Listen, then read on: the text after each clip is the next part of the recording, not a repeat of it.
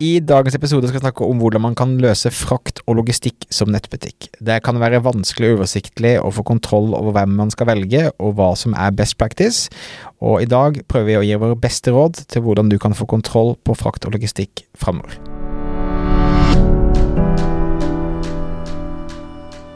Velkommen til Netthandelspodden. I denne podkasten guider vi deg gjennom hvordan du kan drifte og skape vekst i din nettbutikk. Vi har lang erfaring innen netthandel og ønsker å dele alt vi har lært og nettverket vi har bygget opp, til å gi deg enkle, konkrete råd som du kan ta i bruk i hverdagen din. Hver episode har et ressursark knyttet til seg som du kan laste ned på netthandelspodden.no.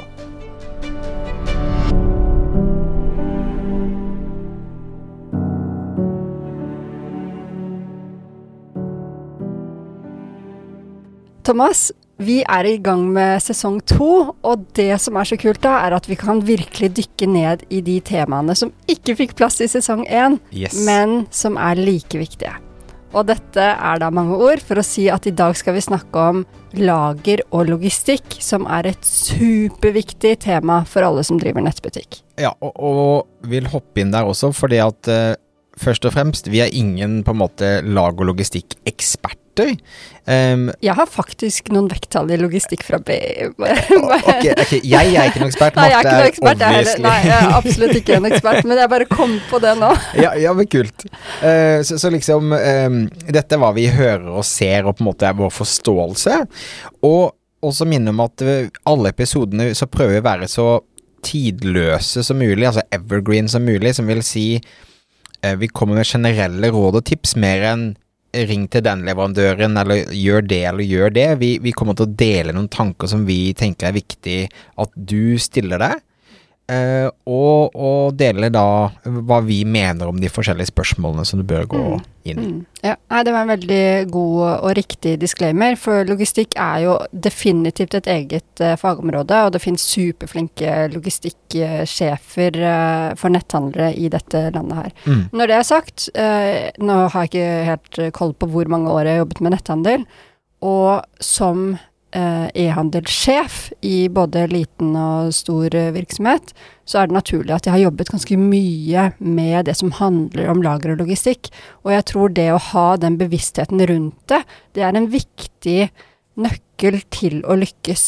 Sånn at hvis ikke, så hvis ikke jeg i min e-handelsjobbing hadde vært opptatt av denne biten her, så tror jeg nok at jeg hadde hatt dårligere resultater. Og så er det selvfølgelig ikke jeg som har gjort den, gjort den jobben. Jeg har heldigvis hatt veldig flinke folk å støtte meg på, som, som har lært eh, meg noen ting om det. Mm, og, og det som har overrasket meg, altså min hovedkompetanse og min hovedinteresse er jo markedsføring.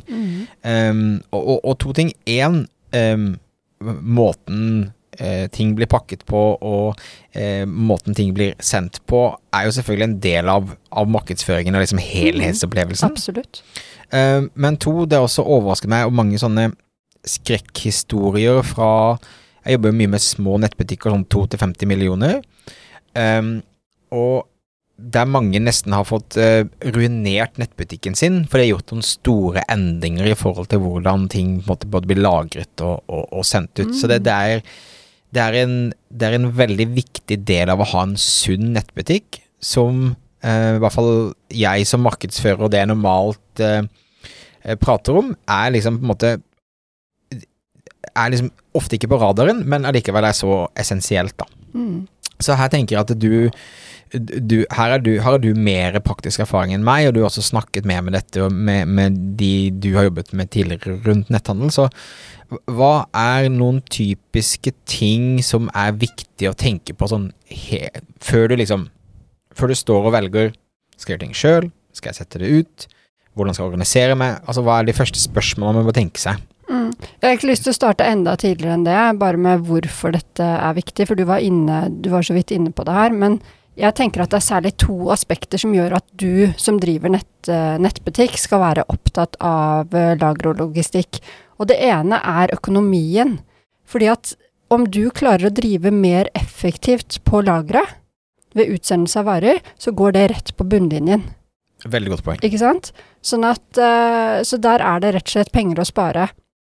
Og særlig når du kommer opp i litt større volum, så vil du virkelig, virkelig merke det. Så om du bruker, har en kostnad på 10 kroner per ordre du ekspederer, eller 20 kroner, det er forskjellen på 10 og 20 kroner som du sitter igjen med. Ikke sant. Så, så det bør være et veldig god motivasjon bare der. Her kan du hente inn mye penger. ja. Uh, og det andre er jo at uh, det som skjer uh, på lageret og med logistikken, det har veldig stor betydning for kvaliteten på hele handleopplevelsen. Ja. Mm, så dette henger, henger tett sammen med hvordan kundene oppfatter det, og, og kundeservice kommer også inn i, inn i, bildet her. Absolutt. Ja, jeg tror det er viktig, gode, viktige spørsmål. Eh, både det med at, eh, at lagerlogistikk er også markedsføring. Lager og logistikk er ikke minst hvordan du kan sikre deg lønnsomhet på best mulig måte. Og lagerlogistikk er også merkevarebygging, skråstrek kundeservice eh, og helhetsopplevelse. Mm. Som kan skape lojale kunder, så livstidsverdien blir høyere, man kjøper oftere, man snakker om folk til hvordan opplevelsen er, osv. osv. Mm, mm. Det er på en måte en hygienefaktor, for hvis alt funker som det skal, så er det ikke gitt at folk legger veldig merke til det. Med mindre du klarer å være supergod, at du er så effektiv at, uh, at uh, kundene har produktet veldig kort uh, tid etter at de har bestilt, f.eks. Ikke sant. Og, og, vi har jo i sesong to nå en egen, eller tre episoder rundt det, det, å vinne netthandelsprisen. Og en av poengene våre i en av episodene der handler også om at det, når man begynner å se på de beste av de beste i Norge, og man begynner å bare gjøre testbestillinger og måte, hvordan er opplevelsen for ting, hvor raskt får jeg det, hvordan ser det ut, hvordan er det pakka osv., så, videre, så er dette kjempeviktig som skiller deg ut fra mange konkurrentene. Mm. Mm. Så, men du spurte, før jeg valgte å svare på noe annet, ja. så, så, spurte du Hva var det du spurte om? Det jeg sa, altså eh, Hva er de spørsmålene man, man, bør stille seg når man skal begynne å bestemme seg for hvordan man skal håndtere lag og logistikk? Um, så da, da, snakker jeg egentlig primært om en nettbutikk som er i en oppstartsfase, der de skal liksom Enten at de nå går fra eh, Sånn som Jeg har jo en liten nettbutikk bare for å teste og eksperimentere, der jeg selger sånne morning journals. Eh, og når jeg får en bestilling sånn en gang i uka, så tusler jeg bort til butikken eh, til Posten mm. og syns at det er liksom hyggelig. Um, men etter hvert så vokser man litt til at det blir mm. litt mer å gjøre enn at man har kanskje én bestilling i uka. Mm. Hva er de spørsmålene hva, hva, hva, bør man tenke på når man bestemmer seg for Skal man gjøre dette selv? Skal man sette det bort? Hva er vanlige fallgruver? Liksom, hvor begynner man mm. å tenke rundt dette? Ja. Jeg kjenner at egentlig så kan vi snakke to timer i dag, så vi får prøve, prøve å gjøre det kort. Ja. Men hvis vi tar akkurat det spørsmålet, da skal jeg gjøre det selv, eller skal jeg sette det bort? Uh, det er jo noe som heter 3PL, for å bruke en av alle forkortelsene som fins uh, på fagfeltet her. Tredjepartslogistikk er det egentlig det står for. Ja. Og uh, hvis du vurderer å sette bort logistikken din, altså at noen andre har varene dine, står for lageret og utsendelse, så, så, er det forskjellige Altså, jeg er ikke noen ekspert på det, for jeg har ikke brukt 3PL-løsning selv, men jeg har flere kunder og kursdeltakere som har, som har, brukt det. Så hvis jeg skulle vurdere dette, så ville jeg stilt meg um, noen forskjellige spørsmål, og et, uh, et, av spørsmålene jeg ville stilt meg, uh, er Vil du være en liten kunde som du ikke bryr seg om? Det er bare sånn som første som faller inn i hodet mitt. Ja. Eller vil du få den oppfølgingen du trenger?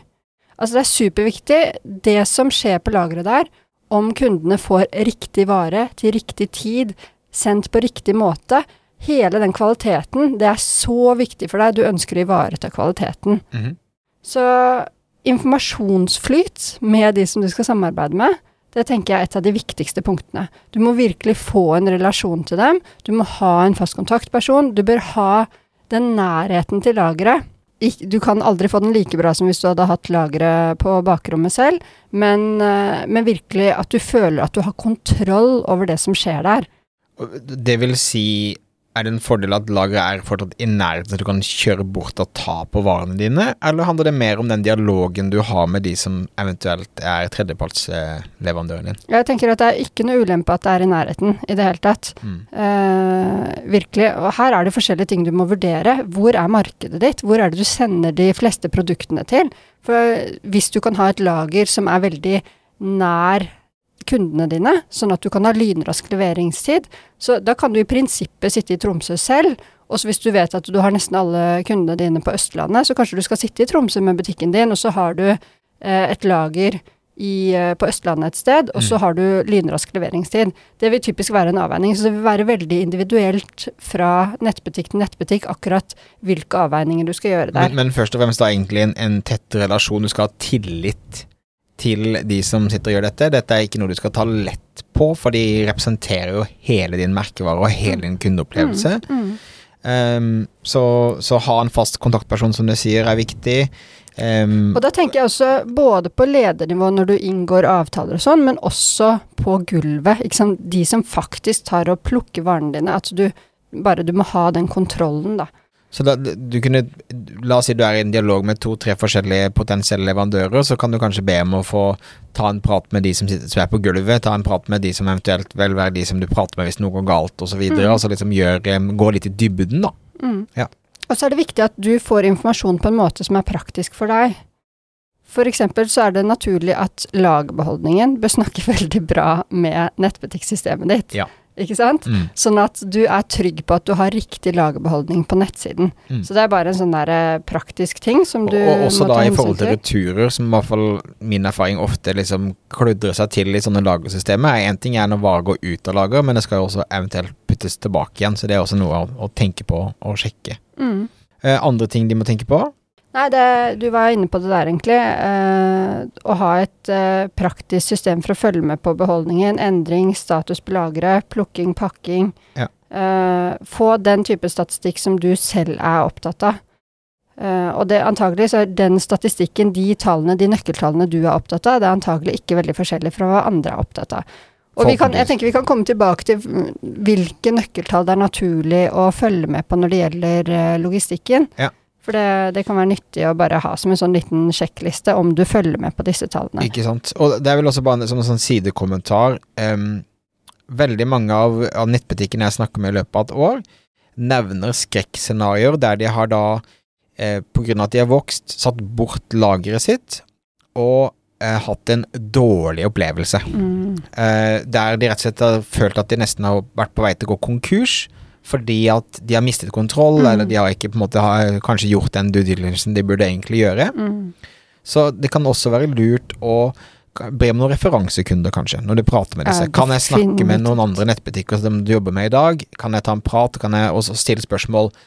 Hva var de typiske tingene som gikk galt i starten, som du kan forberede deg på? Eh, hva, hva er det liksom, hva, hva må jeg Mm. vite? Mm. Men jeg tror det også er lurt når du, når du velger eh, tredjeparter. Så vet jeg at det finnes mange suksessfulle nettbutikker som har tredjepartslogistikk. Eh, eh, samtidig, hvis man ser på mange av de liksom store, flinke som vinner fram, så har de jo kontroll på lageret sitt selv. Mm. Så, så eh, Men igjen, da, hvis vi stiller oss eh, Hvis vi igjen da er på den hypotetiske kunden som på en måte skal eh, vurdere det ene mot det andre, når vi snakker litt om tredjepart-delen, hva er på en måte Hva må man tenke på hvis man skal gjøre det selv, da? Mm, Jeg har egentlig lyst til å fortsette å si litt flere sånne avveininger, jeg. For det går jo Ja. på det samme, ikke sant. Fordi at hvis, når du, når du går gjennom disse tingene her, så blir jo Så vurderer du det opp mot å gjøre det selv. Ikke sant? Ehm, og når du snakker om hvilken man skal velge, så så én ting er å be, be aktørene om å komme med referansekunder. Da vet vi jo at da kommer de med de som eh, det funker med. Ja. Um, det er naturlig at du bruker eh, de gode Facebook-gruppene vi har. Det er et er par et ganske aktive Facebook-grupper. Der er det ofte, eller i hvert fall med jevne mellomrom, så er det diskusjoner rundt uh, 3PL-aktører. Og, og da vil du få eh, både de som er fornøyd, og de som er misfornøyd. Og så betyr ikke det om noen har hatt en kjempedårlig opplevelse, for jeg har sjekket ut dette selv tidligere og sett på de ulike aktørene, så betyr ikke det at du nødvendigvis må få en dårlig opplevelse med den aktøren, men det er bare nyttig å samle data og erfaringer fra ulike, og ta det med deg i beregningen. Og da vet du også kanskje hvilke konkrete ting som andre har slitt med med en bestemt aktør tidligere, og om du kontakter den aktøren eller andre aktører, så tar du det med deg som informasjon Stiller for å sjekke ut. ja. Ikke sant? Eh, Og da, i, eh, i dagens ressursark, altså episodens ressursark, som er link til i shownotes, så kan vi også eh, linke til noen av de Facebook-gruppene som vi er i, der vi ser at man både kan stille spørsmål hvis man er i tvil om noe, og man kan også lese seg opp for hva andre mener. Mm, ja. Og så tenker jeg at uh, ja, de bør tilfredsstille behovet ditt uh, nå. Uh, de bør ha erfaring med samme type produkter som du sender. Så hvis det er noen som bare sender Eller har hovedvekt av kunder som sender klær og myke pakker, og du selger sånn glasskunst, så, ikke sant, så, er det, så er det noe å ta Nei, med. det går på whiskyglass, men glasskunst er også selvfølgelig Ja, ja, du sitter og håndblåser glass, ikke sant, og legger hele sjelen din i det, og så skal denne 3PL-aktøren sørge for at de kommer trygt frem til dine Ja, dine kunder. Eh, vi nevnte geografisk eh, plassering, at eh, det er relevant. Og hvordan kan de håndtere eventuelle behov du har for sesongsvingninger, f.eks.? Kan du enkelt øke eller redusere bemanningen i tråd med sesong? Sånn at hvis du har veldig sånn uh, sesongsensitiv, eller hva skal vi si, at du selger veldig mye i noen perioder og veldig lite i andre perioder, hvordan er det, vil de ha kapasitet når du plutselig får et sinnssykt rush av, av bestillinger i en bestemt periode, eller vil det gå veldig tregt akkurat da? Hvis du har ditt eget lager, så er det naturlig at du da tar høyde for det, ikke sant? at du skaffer noen sånn ringehjelper, noen ekstrahjelper, sånn at du staffer kraftig opp, bemanner kraftig opp, Mm. i perioder hvor det er behov for det. Eh, og det må jo da den samarbeidspartneren din også kunne, også kunne gjøre. Og det kan jo være en fordel, faktisk, når du har en ekstern en, ikke sant? For da har de eh, da har de kanskje akkurat den fleksibiliteten, at det kan være vanskeligere for deg å skaffe masse hjelp i en periode, mens kanskje det er lettere hos dem. Mm. Så det kan være noen fordeler også. Mm. Uh, og så tenker jeg, uh, vi har nevnt uh, referanser. Jeg tenker at det vil være en stor fordel om du allierer deg med noen som har erfaring med tredjepartslogistikk og logistikk generelt i den fasen der du skal velge en sånn aktør. Så om du leier inn en konsulent, eller om du bare snakker med noen eh, som har drevet med dette for en annen nettbutikk eller sånt noe, og rett og slett få litt sånn hjelp til å se på avtaleverk, til, kanskje til, også til å delta i møte der de vurderer, eller der du vurderer ulike aktører, det er en investering i starten der som du kan være veldig, veldig glad for. For at hvis du ikke har den erfaringen selv, så vet du nødvendigvis ikke hvilke spørsmål du skal stille, og hva som kan gå galt, før du har erfart det, da. Ikke sant. Godt Mm. poeng. Eh, og så ved avtaleinngåelse, uh, og også i og for seg når du sonderer, så ville jeg sørget for å ha veldig konkrete krav til nøyaktighet. Uh, hvor raskt de skal ta mottak på varene dine. Hvordan plukking, pakking, sending, hvor effektivt det skal være. Eventuelt om det er bestemte, bestemte krav du har til hvordan det må skje av hensyn til den typen produkter du har. Sånn at du er så konkret som overhodet mulig. For du kan ikke ta, eller du bør ikke ta noen ting for gitt. At det er jo en selvfølge at de skjønner at de skal Ja, gjøre ja. sånn og sånn. Så, så jo tydeligere du er for deg selv hvilket behov du har, og formidler dette, dette tydelig til samarbeidspartneren din, desto bedre rustet er du. Ikke sant. Men så er jo helt sikkert eh, disse aktørene, de er jo proffe på dette her. Så, så dette her er bare sånne ting fra mitt lille hode. Så, så kan godt hende at når du snakker med en sånn aktør, så kommer de også med masse ting som kanskje krav til deg som kunde, og, og flere andre forhold som er verdt å tenke på. Mm. Mm. Bare nevne også det som kan være relevant hvis du har ambisjoner eller vil selge til utlandet, så finnes det jo også an, altså noen av disse tredjepartsleverandørene har jo også god erfaring med å shippe produkter til utlandet, eller har kanskje et lager i Sverige og andre steder. Så det kan også være liksom noe å sjekke da. Um, mange jeg prater med har liksom ambisjoner, jeg ønsker å selge i Sverige, jeg ønsker å gå ut i Europa på Mm. sikt, og da kan det jo være en noe du kan også på en måte vurdere i den prosessen, da. Mm. Og i forlengelsen av det, så, så kan det jo hende at om du, om du bruker en sånn ekstern leverandør, at de har forhandlet frem noen priser basert på totalvolum av pakker som går ut derfra, Mm. og da plutselig så, så kan det, du få til eh, Eller så kan du spare penger ved at du får mye gunstigere fraktpriser. Absolutt. Og jeg vet at sånn som et, et, et selskap som ofte kommer opp i disse gruppene, Quickship, de har også nivåer der du kan um, ha lager sjøl, men koble deg på på måte gode fraktavtaler og sånn. Og det er sikkert flere leverandører som har det, men der du kan liksom enten bare ha lager sjøl, koble deg på fraktavtaler.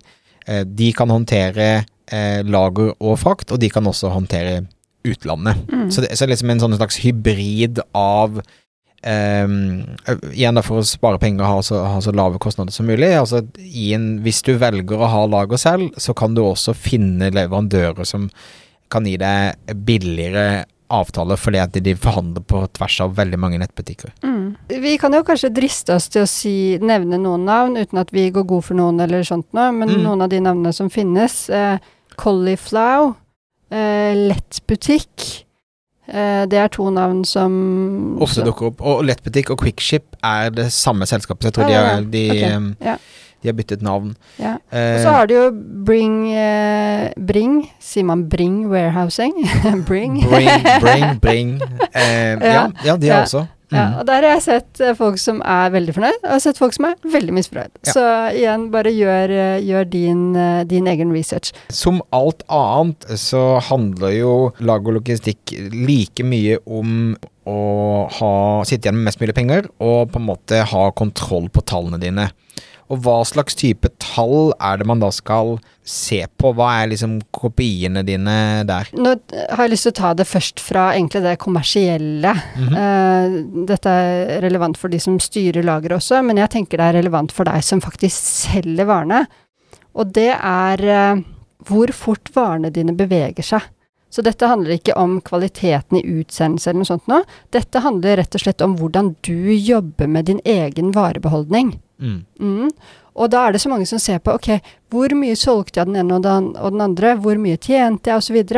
Men det å ha med lageraspektet, altså hvor mye varer har jeg på lageret, hvor mye kapital binder de varene, hvor fort flytter de seg. Mm. Så da helt konkret eh, kopier eller nøkkeltall på det, det er omløpshastigheten, altså hvor mange ganger i løpet av en gitt periode varelageret ditt snur seg, eller at du selger varene på lageret ditt. Ja. Så, og den perioden er jo da veldig ofte i løpet av et år at man, at man bruker. Mm. Og den andre siden av dette, dette tallet her, det er liggetid. Så hvor lenge ligger i snitt en vare på lager?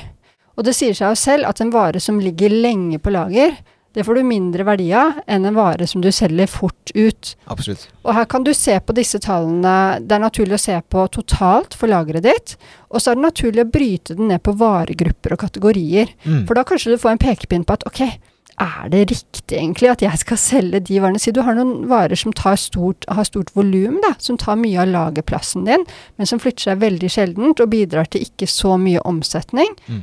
Da kanskje du heller skal fase ut, tone det ned, eller kvitte deg helt med det, og så satse mer på de varene som flytter seg oftere, og som du tjener mer penger på. Så øh, ja, så du kan se på for hele lageret ditt, men jeg syns også det er naturlig at du bruker dette som, øh, som informasjon på helt ned på enkeltvarer. Ikke sant? For Ja. her, får du, her får du informasjon om det er noen varer som kanskje skal ut av sortimentet ditt, eller at du ikke har gjort den kommersielle jobben, at du har ikke løftet disse varene godt nok frem til kundene dine. Mm. Så for å sørge for at du har god økonomi i driften din, så bør du se på disse tallene jevnlig. I XXL så så vi på det hver uke. Ikke sant. Ja. Ja, for det, en ting er liksom den, de varene du kanskje ikke burde bestille så mange av neste gang, eller ikke bestille i det hele tatt, men andre er jo de de varene som det går masse av, der mm. du kanskje ikke har vært eh, på en måte aggressiv nok i, i innkjøpet, da. Ja, og at du, det der å gå tom for varer, det er ikke god butikk, altså. Nei. I det hele tatt.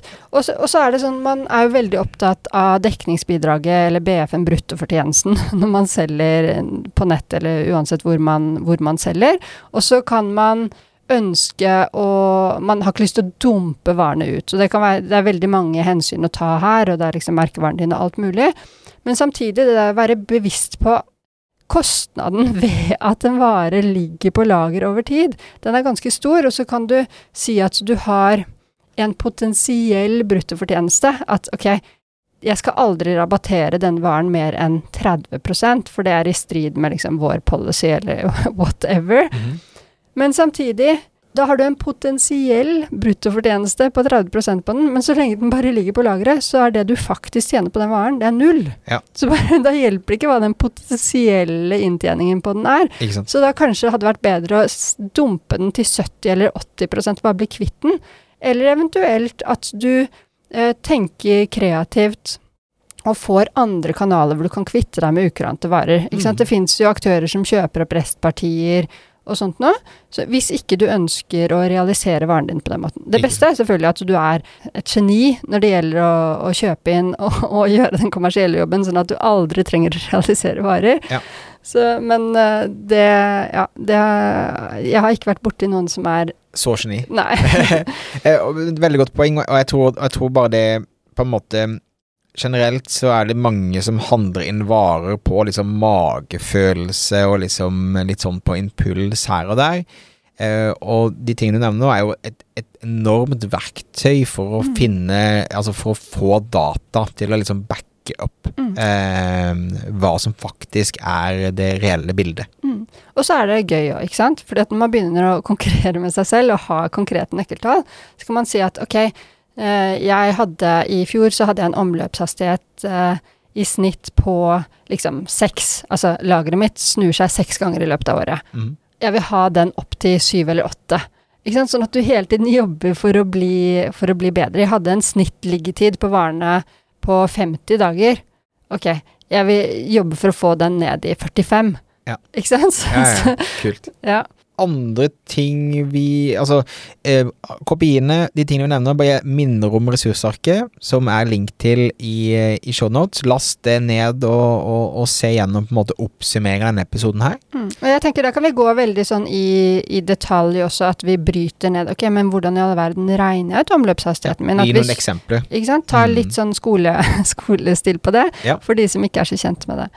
Så, men nå snakket jeg om noen kopier som, som jeg mener at den som er kommersielt ansvarlig for nettbutikken, og som på en måte eier produktene, eh, og eh, selger produktene, bør ha et veldig nært forhold til. Uh, I tillegg så har vi de kopiene som går på selve logistikken, hvor effektiv du er på lageret. Uh, og det er jo typisk hvis du har en lageransvarlig, så er det de tallene som vedkommende skal være skikkelig opptatt av og følge med på fra dag til dag. Mhm. Og et, eh, et tall som jeg syns er veldig bra uh, å følge med på, det er det jeg kaller pakkesnitt. Og med det så mener jeg hvor mange pakker er det hver person på lageret klarer å ekspedere per time? Veldig konkret mål.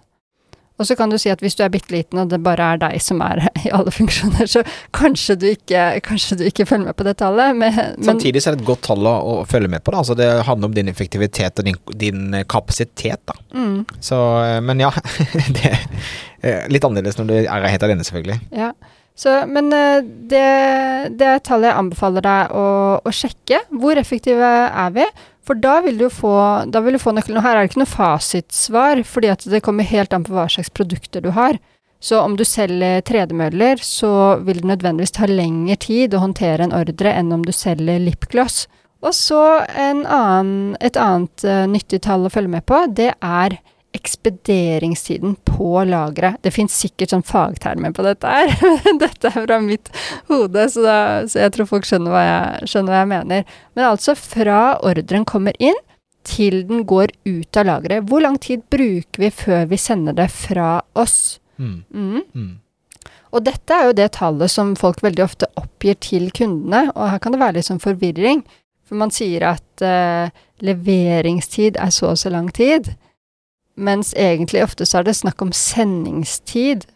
Ja, Fra- En ting er liksom når, til Det kan ta en dag fra du bestiller til det faktisk blir sendt. Eller Ja. to eller tre dager. Ikke sant? Og så kommer leveringstiden Mm. til transportøren i, i tillegg. Ja. Men, men som et sånn eh, nøkkeltall, så altså hvor lang tid bruker dere på lageret i snitt til å, til å ekspedere en ordre? Mhm. Og så har vi selve leveringstiden, som jo er veldig relevant ut eh, til kunden. For kunden driter jo litt i at det tok så og så lang tid hos deg, og så tok det så og så lang tid hos PostNord eller Bring eller hvem det er. Mm. Det kunden bryr seg om, er hvor fort får jeg varen etter at jeg har bestilt. Ja. Så det bør man absolutt følge med på, og ha som mål å hele tiden korte ned den tiden. Og så kan du selvfølgelig ha ulike leveringsmetoder, at man kan velge ekspress eh, og kanskje betale mer for det og sånn, men sånn generelt, kortere leveringstid, det vil gagne deg, fordi at du vil få mer fornøyde kunder. Mm. Uten tvil. Og så eh, mer sånn over på økonomidelen, så kan det være, så kan det være morsomt, eh, eller kanskje ikke så morsomt, å se på eh, logistikkostnadsandelen. Det var et veldig komplisert ord, men med det så mener jeg hvor mye penger eh, bruker du eller hvor, ja, hvor kostbart er det å ekspedere varene dine og, og drive logistikken i prosent av omsetningen din? Ja. Ikke sant? Sånn at hvis du bruker 30 du bruker, Si du bruker 300 000 på logistikkoperasjonene dine på en omsetning på en million. Det høres litt mye ut, ikke sant? Ja, vil du si at et er helt- Et helt sånn random eksempel. Uh, men der Og se på det tallet også, for å se hvor effektiv er jeg egentlig. Så kan du gjerne sammenligne med andre og se hvor, hvor mye penger bruker de på å klare å ekspedere ordrene sine. Ikke sant. Og dette er jo grunnen til at mange store aktører går over til automatiserte løsninger. Og det er egentlig et rent eh, regnestykke. Eh, kan fortelle deg, jeg begynte i XXL i 2012. Så kom jeg liksom til sånn svær virksomhet, og de hadde drevet netthandel helt fra starten, faktisk. eh, Eller rett etter oppstart, 2001. Men nettlageret der det var ikke så høy omsetning, siden det var sånn 70, mellom 70 og 90 millioner. Men da lå alle varene i pappesker på gulvet, på svært eh, utover lageret. Ja. Og de stakkars gutta, fantastiske lagermedarbeidere, de gikk da krumbøyd og plukket fra plukklister på papir, hvor det sto liksom de fire siste tallene i, eh, i artikkelnummeret eller noe sånt, og var, var eh, identifikatoren på hvilket på produkt hvilket produkt de skulle plukke. Ai, ai, ai. Ikke sant? Så, så alle har vært gjennom sånn pain-periode. Ja. Så, så jeg fikk litt sjokk da jeg kom dit.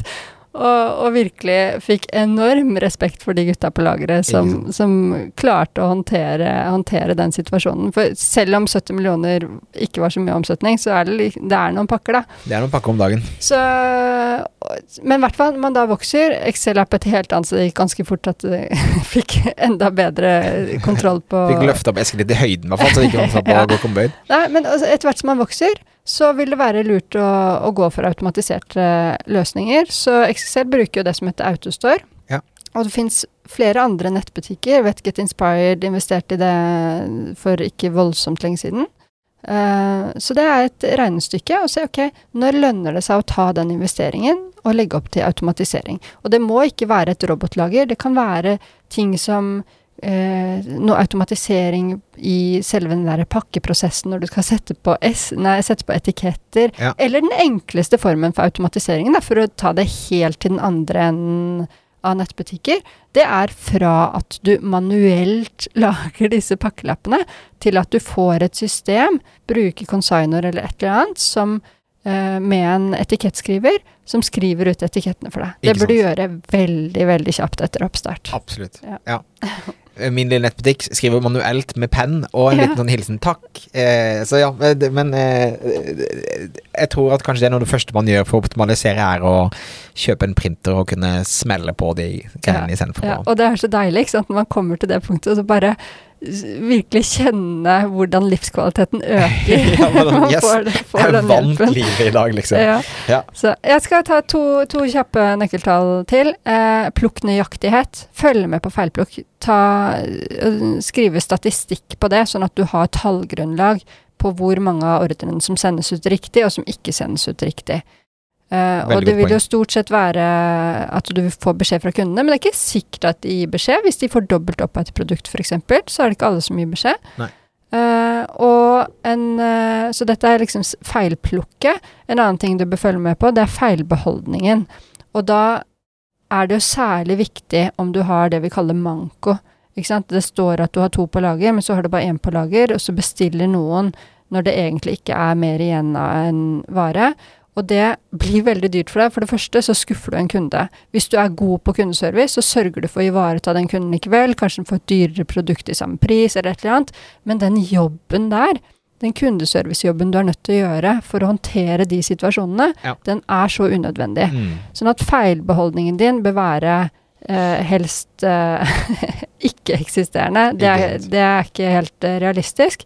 Men Da kan du jo legge opp til rutiner på lageret at du kanskje har løpende plukk gjennom året, i stedet for at du bare plukk... Nei, eh, telling gjennom året, i stedet for at du bare teller varelageret ditt 5. januar, liksom. At du kjører Ganske ofte. Ja. Mm. Dette er kjempeviktig. Har vi da vært gjennom de viktigste tingene? Vi, vi sa vel det skulle bli en kort episode, men vi, vi begynner oss Ja, er eh, Putt på en femmer, vet du. Ja. Eh, vi har vært gjennom de viktigste nøkkeltallene. Jeg kunne tenke meg å bare kort eh, snakke om effektiviseringstiltak. Så hvis du har funnet ut litt sånn noenlunde hvor landet ligger, Ja. får jeg lov til det? Det skal du få til. ok, prøv å snakke fort, da. Ja. Og da er det jo egentlig alle deler av logistikkprosessen som du kan se på. Og som en flink kremmer, en flink businessdriver, så er du interessert i å se om du har noe å effektivisere på alt. Men eh, som noen eksempler, emballasjen. eh, der går det jo på å handle inn til gode priser. Igjen, bruk andre i netthandelsmiljøet. Få høre hvilke leverandører de bruker osv. Kanskje dere kan gå sammen om å kjøpe inn, sånn at dere får bedre betingelser. Kan du kjøpe i større kvanta? Igjen så må du vurdere kost-nytte her i forhold til å eh, bruke plass på lageret ditt. Men også størrelse og type her. Hvis det går kjappere å pakke i den typen emballasje enn den typen emballasje, så kanskje du skal gå for den for å få kostnaden per eh, håndteringskosten per ordre ned. Godt poeng. En annen ting når vi snakker om emballasje, som vi snakket om innledningsvis, eh, miljø. Eh, altså det, å vurdere hva slags type fotavtrykk eh, emballasjen gjør, er jo på en måte noe du må hele tiden vurdere eh, kontra liksom favorisere kunder hvis det er mer miljøvennlig osv. Men jeg bare tenkte at det er bare noe å nevne når vi snakker om emballasjen. Ja, men det, ja. Og selvfølgelig kvalitet også på, Mm. på emballasjen din. Og, og der må du se an kundene dine også. Selvfølgelig er det veldig fint om du selv er opptatt av miljø, men hvis du har kunder som, som virkelig er opptatt av miljø og bærekraft, så du kan ikke selge miljøvennlige produkter og så ha ikke-miljøvennlig emballasje, da, da faller troverdigheten din med en gang. Ja. Eh, og ellers så er det jo det som vi allerede har vært inne på, system for etiketter uh, f.eks., men også system for sporing av, av pakker. Der kan du spare tid om du har et veldig oversiktlig system, så det er lett å søke opp og få oversikt over hvor de forskjellige pakkene er i prosessen osv. Mm. Og her er det også relevant å se på hva slags samarbeidspartner man har. At de kan gi deg god informasjon, sånn at du slipper å ringe til support der, og så har de mer info enn deg, og så må de inn i sine systemer for å gi deg status osv. Mm. Uh, og det samme systemet selvfølgelig for plukking, som vi så vidt har vært inne, inne på allerede.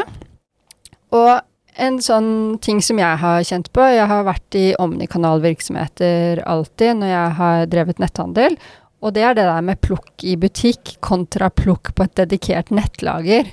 For det er veldig mye mindre effektivt å plukke i butikk, og da får du også den der ekstrajobben med å sjekke hvordan produktene er. er de, ser de ok ut? Eh, Er det én sko av eh, samme størrelse i esken? liksom. Ja.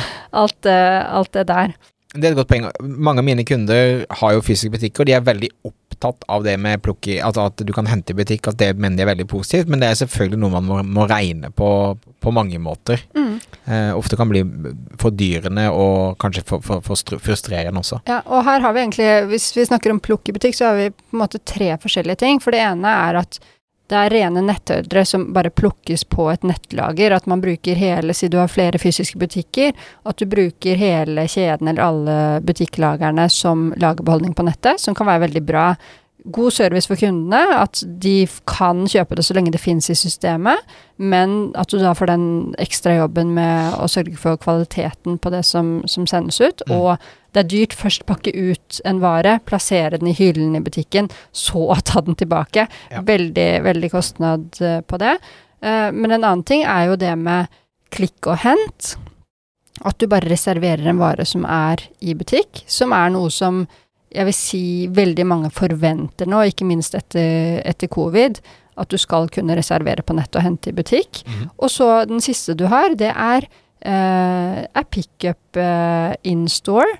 At du bestiller en vare, og så i stedet for at du drar til Postkontor finnes jo ikke lenger, da, men post i, post i butikk, eller får varen hjem, så bruker du butikken som utleveringssted. Så det er de forskjellige variantene. Ikke sant. Og ellers så, så bare se på ting som Hva slags hyller har du? Er de praktiske? I forhold til produktene dine. Det er jo helt sånn banalt, men det kan ha ganske mye å si for tiden du bruker på å plukke og pakke. Og samme liksom med alt av disker du bruker, og plassering av den teipen, liksom. Men det, det, det, det samme som du egentlig alltid gjør når du, når du drifter noe, er se hele tiden på hvordan du kan optimalisere, gjøre ting smartere. Ikke bare være fornøyd med sånn ting er, men hele tiden utfordre kan dette bli bedre. Ja. Mm. Mm. Og vær veldig lydhør hvis det er sånn at du har et lagerteam og du selv sitter på et kontor som et annet sted. Så sørg for veldig god kontakt med dem, og vær lydhør for hva de har. For de er eksperter på hva som, hva som skjer der. Og få dem også hele tiden til å reflektere rundt det med, eh, med å være effektiv. Ja. Sånn at ikke man bare plutselig gjør ting på en bestemt måte fordi man alltid, alltid har gjort det. Og, og, og, og ta turen ned. Eh, jobb litt på laget sjøl, altså, så du kan hele tiden se hvordan man kan gjøre ting bedre. Ja. Ha en fast dag i måneden eller to-tre ganger i året eller whatever. Spørs hvor mye tid du har tilgjengelig, da. Men jeg tror det å eh, Det er en såpass viktig del av driften din at uh, du bør bry deg nok til å liksom uh, gå ned der og, og kjenne på hvordan det er. Ja, det er kjempeviktig. Veldig, veldig viktig poeng. Mm. Og så har du sånne ting som returrutiner. Bare ha det, ha det veldig klart. Hvem er det som skal gjøre det? Hvor er det de på, som sitter på nett? Er det de som jobber med å ta imot uh, varer? Altså, hvor skal de forskjellige tingene relatert til retur, hvor er det det skal foregå, til hvilken tid? Eh, for her er det veldig viktig det er to ting som er viktig. For deg så er det viktig at varen kommer raskt tilbake i beholdning, sånn at du kan selge den igjen så fort som mulig i en ref omløps, omløpshastighet. Mhm. Eh, For kunden så er det veldig viktig å få penger fort tilbake på konto. Og dette er et klassisk sånn punkt hvor, eh, hvor noen er veldig, veldig dårlige. At de syns at det er greit å bruke to uker på å refundere beløpet til kunden. Og der kan man jo man kan legge opp til løsninger på, på nettet, hvor kunden registrerer returen der. Bare pass på at det blir ordentlig enkelt, så det ikke er noe hassle for kunden hvis du skal forsøke å gå den veien. Eh, eller så har du bare at det skjer mer manuelt da, ved hjelp av å fylle ut noe returlapp eller noe sånt. Ikke sant. Ja, jeg, jeg tror generelt ha gode prosesser for enhver del av dette, og jobb med de, gjør det bedre, skriv det bedre, liksom jobb med å optimalisere prosessen også, tror jeg er kjempeviktig. Mm. Det aller beste er at du jobber preventivt for å minimere retur. For alt henger sammen her, sånn at du har så god informasjon på nettsiden at man ikke bestiller feil da, og trenger, trenger å returnere. Ikke sant. Og så er det bare generelt rutinene, system på lageret for alle, alle oppgavene for å både ta mottak og ekspedere ordre osv. Og, så og det går på hvilken rekkefølge man gjør ting, ha dedikerte stasjoner for det ene og det andre. Ja, plukk og sammenstilling og, og kanskje sortering på postnummeret for å få det til å gå raskere når du sender det ut og sånt noe. Ja. Eh, hvilken person er det som egner seg best til hvilken oppgave, f.eks.? Eh, noen er mer nøyaktige, andre er skikkelig sterke og kan løfte de, løfte de tunge, tunge tingene. Så det er bare å tenke gjennom de tingene. Og f.eks. før du har kampanjer, hvis du vet at uh, du har en kjempekampanje, du kommer til å selge masse av et bestemt produkt, så bare Nå er det bare sunn fornuft jeg sier her, da, men se hvor mye kan jeg gjøre klart på forhånd? Ja. Ikke sant? At du kan ta og stille frem så de er halvveis pakket, det produktet som du vet det kommer til å gå masse av. Sånn at du er liksom ett et steg i forkant. For det er veldig gøy det når du klarer å imponere kundene ved at du er eh, rask og nøyaktig, og at det er en god opplevelse eh, å få pakken. 100% Jeg tror det er også egentlig en godt sted å avslutte, og, og, og, og godt poeng. Og minner igjen om ressursarket, eh, der vi legger inn en del ting.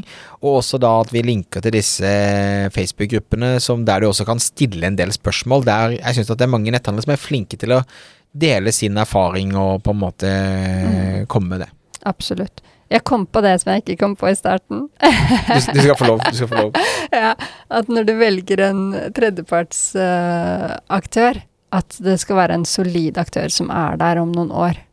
Det, var bare det lille, lille poenget. Kjempeviktig. Ja. Eh, det er nok greit at, eh, at den du velger, faktisk er, er en stabil eh, Og ikke bare en up and coming nykommer som er flink til å selge, og som har eh, en god pitch, Mm. men det er noen som, som sagt, du, du kan samarbeide med i, i mange år, og som på en måte har et lite fototrykk fra før av. Mm, ja. Da, da skal ikke jeg si mer i det. Da kan vi si takk, takk for nå. Takk for nå, og vi høres igjen snart. Ja. Ha det fint.